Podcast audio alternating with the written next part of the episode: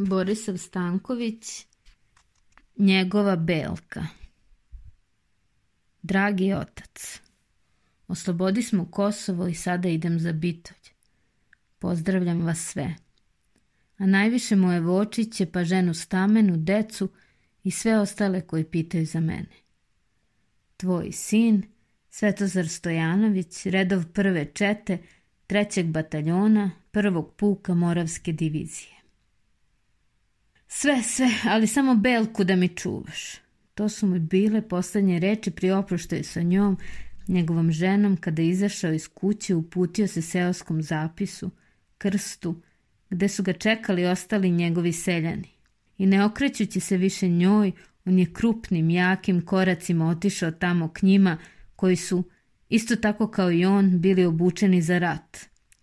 U dobra, jaka odela od debelog sukna, sa nabijenim torbama hrane i preobuke, a po nedrima i pojasima brižljivo ušivenim i sakrivenim zaveždajima raznoga novca, zlatnog, srebrnog i papirnog, kako će gde i u kojoj varoši zatrebati. I svi oni sa prebačenim oko svojih širokih ramena i prsiju po vojničkom načinu savijenim ćebadima i ćilimovima, sačekivali su se nasred sela da bi zajednički krenuli u varoš da prime oružje, šajkače i šinjele. Eto, takav je bio njegov poslednji oproštaj. Ni zagrljaj, ni poljubac, a kamoli suze i naricanja. A od svega nje, žene, dece, kuće što možda nikad u životu više neće videti, kao da to ništa nije postojalo, već samo ta njegova junica, Belka. Ali ona je znala da on nije takav. Jer sinoć kada mu je poslednji put postelju prostirala i po njoj razastrla nove šarenice koje je sama izatkala, a jastuk mu pokrila onom njegovom momačkom vezenom maramom kojom je bila uvijena jabuka izbušena sa utisnutim zlatnim dukatima, čime joj je darivao kada joj je zaprosio. On nije nikako mogao da zaspi. Nije hteo da se okreće i prevrće, da ne bi nju i decu budio i plašio, ali je jednako, ispružen i osvetljen vatrom sa ognjišta gledao netremice, široko više sebe. Gleda one verige nad ognjištem, one već počađavale grede i tavanice i okolo njih po zidovima police sa poređanim sudovima, kotlicima mleka, sira i drugoga mrsa. Sve jače je udisa u sebe celu kuću, dvorište, štale, stoku. Tako ležeći, kroz moza gleda je ono guvno više kuće koje je on tako uravnio. To guvno izdaleka se belelo sa učvršćenim u sredini stožerom, oko koga se vrše pšenica i ostali berićet sa njiva i na čijem vrhu stoji privezan već usahli snop od žita i sa pokojim klipom od kukuruza. Taj snop od žita uvek se odvaja i ostavlja od svake žetve kao dar Božijim ticama da one tu, kad zima dođe i sneg sve zatrpa, mogu sebi naći hrane. I onda polako, da ih ne bi probudio, bos, u čarapama, svaki čas je izlazio da tobož nadgleda stoku. A u stvari da, obilazeći oko svoje kuće, poslednji put upije u sebe sve. Da u svoje oči upije čak i one tamo po brdima i padinama raštrkane, izorane svoje njivice. Jer će mu to što sada u očima i duši više ponese to svoje selo, kuću, stoku, treba da traje za sve vreme ratovanja. I kad je mislio da su ona i deca duboko u snu, da se ne mogu probuditi, on se počeo naginjati na decu i ljubiti ih. Odjednom ona je osetila kako se i do nje spušta njegovo koleno i više nje kako on ruku svoju meće oko njenog ramena i glave i odupirući se kolenom i laktom od nje da je ne bi probudio, da ga ne bi osetila i nju je svoju ženu izgljubio gutajući reči tatini, moj. I zato ona nije bila uvređena onakvim njegovim poslednjim oproštem.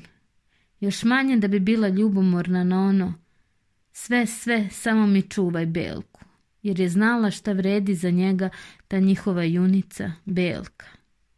To je bila prva koju je pored ostale sitne i krupne stoke, što je deobom od braće nasleđeno on kupio. Od prve prodane pšenice ona je bila kupljena. Služio vojsku u Šumadiji i video kako su tamo po ravnicama velike krave i koliko mleka daju, pa je hteo prvi on da od takvog soja zapati ovamo kod njih, u brdima, gde je stoka sitna, kržljava, više divlja nego pitoma. I kada mu je iz Varoši jednom javljeno da se prodaje jedno tako tele, on je i nju pozvao da s njime pođe.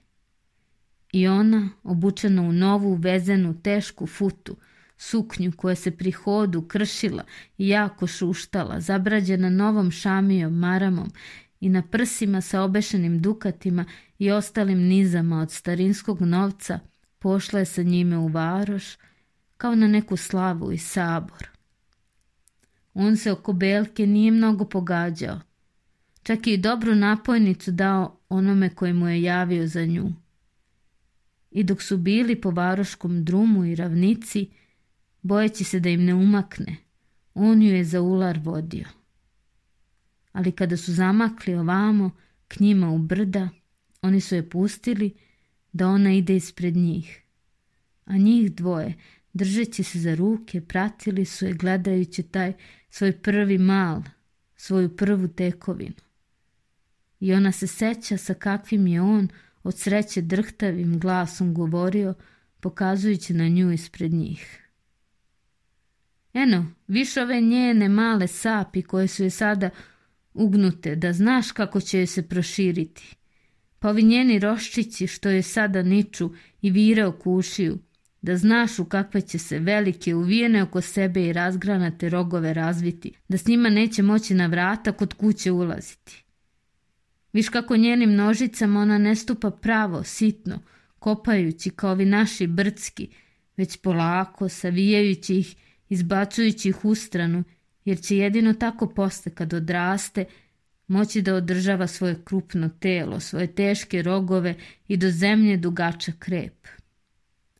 Koliko će puta ona, kada se dobro napase, pa dolazeći kući zastajati na više mesta. Odahnjivaće od silnog trbuha i od nabreklih punih do kolena vimena koja će je smetati u hodu i koja će joj se još izdaleka žuteti i rumeniti kao ono kajma kod mleka. I zato će ona tada, čim ugleda našu kuću, početi još izdaleka da muče i da koga poziva od nas da je što pre dođemo, izmuzemo je i olakšamo je. Da, takva će ona biti, zaboravljajući se i okrećući svoje srećno lice k njoj, nastavlja je on tada. Takva i tolika će nam ona, naša belka, biti. A ne kao ovi naši mali brstki žgoljavi, sama koža i kost. Nogom da ga opkoračiš. Tri dana je noći da ga napasaš, pa opet kad kući dolazi ono glavu s onim njegovim kao nož oštrim, pravim, kratkim rogovima među noge, pa samo čivteta u stranu. I džilitaj se skači, preskače ograde, plotove i kad ga već motkom uteraš u avliju i počneš da muziš, a ono pola prospeš od njegovog bacakanja. I onda kad bi tada Belka slučajno zastala i okrenuši glavu k njima počela ih gledati kao pitajući ih da li je još taj put dalek koji se jednako penje uz brda, on ju je počeo kao izvinjavajući se hrabriti. De, de, neće tebi biti rđavo kod nas. Nećeš ti biti zajedno s onim našim džukcima što se samo bodu među sobom. I koliko god da ih čovek čisti, oni su uvek do sapi umrljani od balege, a njuške im blatnjave od zemlje koju riju, jer ništa ispred sebe, ni slame, ni sena ne trpe. Ne boj se ti, nećeš ti biti s njima, ti ćeš biti odvojeno. Odvojeno seno, odvojeno ćeš štalo imati. Bićeš prava gospodjica, bićeš najlepša u selu. Oni su docnije i drugu stoku kupovali, ovce, koze, goveda. Oko kuće su dokupljivali zemljište, za bašte, za guvno, a osobito za ambare i štale.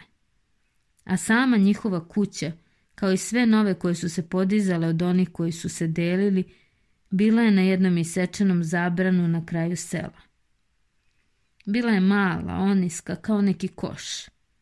Na četvrtastim gredama, koje su bile dobro u zemlju ukopane, zidovi su njeni bili od upletenog pruća, olepljeni blatom sa pomešanom slamom. Cela kuća je bila prepolovljena na dvoje. Manji deo sa krevetom trebao je biti kao spavaća soba, gostinska, a drugi deo bila je kujna. Ali kujna je bila sve i sva sa onim njenim velikim ognjištem i iznad njega tako širokom bađom da se i u najtamnije noći videlo nebo. Oko toga ognjišta uvek je bio naslonjen čitav tovar, naramak drva i razni trupci i tronožne stoličice za sedenje. I tako, oko tog velikog ognjišta i u toj utrpanoj, ututkanoj po svim uglovima, a opet tako prostranoj kujni oni su živeli. A u onoj sobi u kojoj su bili samo sanduci od sukna, platna, raznih čilimova, vune, prediva, stajaće godela, nakita, novaca, njih dvoje, još mladi i tek sa dvoje već podrasle dece, nisu ni osjećali potrebu da tamo spavaju. Jer ovamo u kujni, kroz ili sasvim otvorene ili poluotvorene vrata, ispod kućne nastrešnice videla se i kapija i dvorište. A sama kujna gotovo je dodirivala krovove i zidove štala od stoke, te su se osjećali oni tu zajedno kao sastavni deo sa svojim stokom i imanjem. Jednako su među njima i danju i noću. A kada bi u sobi živeli, bili bi kao odvojeni. Stoka bi se kao tuđila od njih, ne bi ih više ovako volela i slušala. Jer onda ne bi kao sada svaka ovca, koza, krava, gotovo kao kakav član porodice slobodno preko praga ulazili ovamo. Samo gledajući koga će od njih nju ili decu sagledati, onjušiti i onda bi se upućivali onom uglu kujne gde znaju da stoje krupice soli. Čak bi se koji nad ognjištem nadnosilo, kao da hoće da vidi u kotlu mleko koje se kuva, koliko i od njegova dela tu ima. Posle još slobodnije izlaze i šeću se po dvorištu i štalama. Zar bi mogao njihov mali Zarije, koji je tek prošle godine prohodao, onog njihovog rogonju, koga se i same sluge boje, gotovo go, samo u košuljici, onako besno da šiba i goni ispred sebe, cičeći. Ci, ci! A rogonja, gledajući ga, strahujući da ga dlakom svoga repa po obrašićima ne bi ošinuo, uvlači i savije rep i polako, da mu ispod kopita ne bi kakav kamenčić ili speknuto parče zemlje odletelo u njegov trbuščić i gola prsa, odlazi u štalu. I za prva dva rata nije bilo potrebe da se čuva njegova belka. Ali u ovom trećem, kada neprijatelj pritisnu zemlju, ona umalo nije izludila od straha da od celog mala stoke sačuva bar nju. Sve je davala da bi podmitila. I poslednje dukate zlatne, one koje je u nedrima nosila, one iste koje mi je on darivao kada je zaprosio i kojima je mislila da ako Bog da kada sin poraste, da tim istim dukatima ona svoju prvu snahu dariva. I to je dala, samo da njegovu belku spase. Celog dana su je morali držati sakriveno u kujni i sobi, unoseći je sena i slame i deleći s njom posljednju koru hleba. Samo bi je noću puštali malo. I za taj strah i trepet oko belke i sama su deca znala. Koliko puta, kada ona ne bi bila kod kuće, deca čim čuju da se na prevoju više sela odakle silazi put iz varoši, začuje kakav topot konja i zveckanje oružja, odmah istrče uplašeno vičući. Belka, unutra! Unutra, unutra, Belka! I makar bosi, samo u košuljicama, jedan za rogove, a drugi za rep, za sapi, počnu da je guraju natrag u kujnu. Odupirući se svojim slabim nogama da je što pre sakriju, sa strahom bi pogledali da gore na prevoju ne vide konjanika sa kačketom iza koje se sija cev od puške iz čijeg onog njenog malog otvora uvek viri grabež i smrt. Ali tek posle, pošto se sve odnese, opustoši, tek onda se pokaza koliko vredi ta njegova belka. Jer sa onim sakrivenim ispod samog ognjišta ukopanim u rupu, kukuruzom i mlekom što je počela belka da im daje, oni su bili osigurani od gladi i smrti koje poče na sve strane da kosi. Osobito zimi, ona im je vredela više nego hrpa novaca. Drva zbog posečene gore oko sela i po putevima i voćnjacima, a sve iz straha od komita, nikako se nisu mogla navući.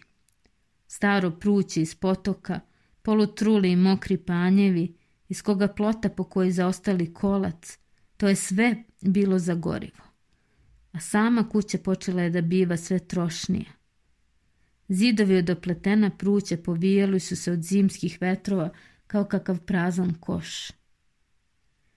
I pored svega njenog upinjanja, podupiranja zidova i pragova, zapošivanja rupa, krpama i ostalim stvarima, mučno da bi ona i deca izdržali one ljute ciče i zime koje tada nastadoše. A z dana u dan sve golije i pustije bivalo. Po putevima crnili su se redovi džungara od izgorelih drva od vojske, po padinama, kosama, prisojima, kao neko razasuto groblje, belili su se ostaci od posečenih mladih šuma. Pa i samo selo, kuće, krovovi kućni, pošto u selu nije bilo muških, jer ono sve što je ostalo bilo je ili pobijeno ili u ropstvo odvedeno, sve su ispucanije i trošnije bivale. Sve su se više ka zemlji spuštale, jedva držeći se o svoje raspadnute zidove. Redko da se iznad koga krova dizao dim, još ređe da se video kakav prozor, ukras. Samo rupe od ulaza i nad njima ti njihovi srozani krovovi. Od živih takođe redko da se ko viđao. Tek po koje žene ili dete. I ubiveno, preplašeno, jedva se vuklo od gladi. Jer što bi se požnjelo, oduzimalo se. Što bi se opravilo i podiglo, to se na prvi glas, tobož da su je videle komite, ponovo rušilo i onda pobilo i ono što je još bilo živo. Pa čak ni pasa ni mačaka nije bilo više onako kao nekada. Nemajući hrane, počelo je crkavati. I po putu, po đubrištima, kako se koje dovuklo, ležalo je raspadajući se i doglađivano od drugih koji su isto tako jedva još bili živi. I to još nekoliko od pasa i mačaka po selu što je živjelo, bilo je valjda samo zato da noću, urličući na mesečinu i sneg, samo još jače povećava grozotu i pustoš ali jedino ovamo kod njih bilo je nekako drugčije, toplije, osobito uveče. Belka bi ležala na ono malo slame i sena u onom kutu u kujni do sobe koji najviše bio zaklonjen od kiše i vetra. I deca čim bi večerala, vukući sobom svoje gunjiće i pokrivače, odmah bi odlazila kod nje. Jedno naslanjajući glavu na prednje, drugo na zadnje noge, pripijele se uza njen topli trbuh. I da vidite onda Belku. Osetivši da su deca uz nju, ona bi se odmah malo protegla, da bi što više izbacila svoj trbuh i njime i kolena i noge dečije grela. Svoje donje do zemlje noge jače bi podvila iza njegovih leđa, da bi ih tako, kao u nekom zagrljaju, držala. Posle i sama bi ona mati došla između Belkinih prsiju i glave joj legla. Belka cele noći ne bi se mrdnula, ni pomakla, da ih ne bi time možda probudila. Samo lupkajući repom od zadovoljstva, podizala bi svaki čas svoju glavu i gledajući ih onim svojim pametnim očima, prinosila bi k njima što bliže svoju njušku, da ih još i jarom iz svojih nozdrva što jače utopljava ali u poslednje vreme, osobito leti, za nju, njegovu ženu, ta njegova belka bila je najdraža. Svako veče bi dolazila k njima u kujnu. i pošto tobož pregleda da li su svi na okupu, vraćala bi se. Ali ne bi išla u štalu, već u baštu, u vrt.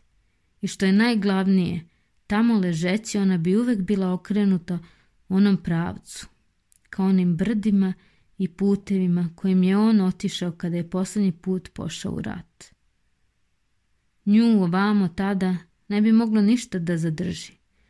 Potresena, uzrujana, odmah bi se ona dizala i dolazila i sedala do Belke. Belka kao nadajući joj se ne bi ni glave okretala, već bi se samo pomakla sapima i zadnjim nogama kao čineći joj što bolje mesta do sebe. I tada nastajalo bi ono.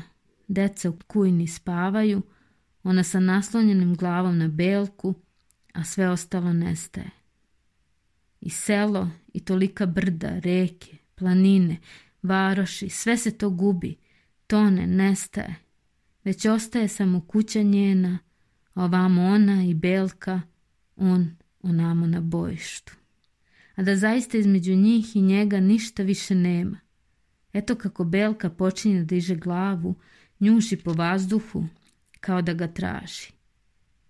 I kao da ga je našla, kao da je počela osjećati miris prstiju one njegove ruke kojom je milovao po glavi i vratu kada joj je davao šećera. Evo kako od radosti sve jače bije repom.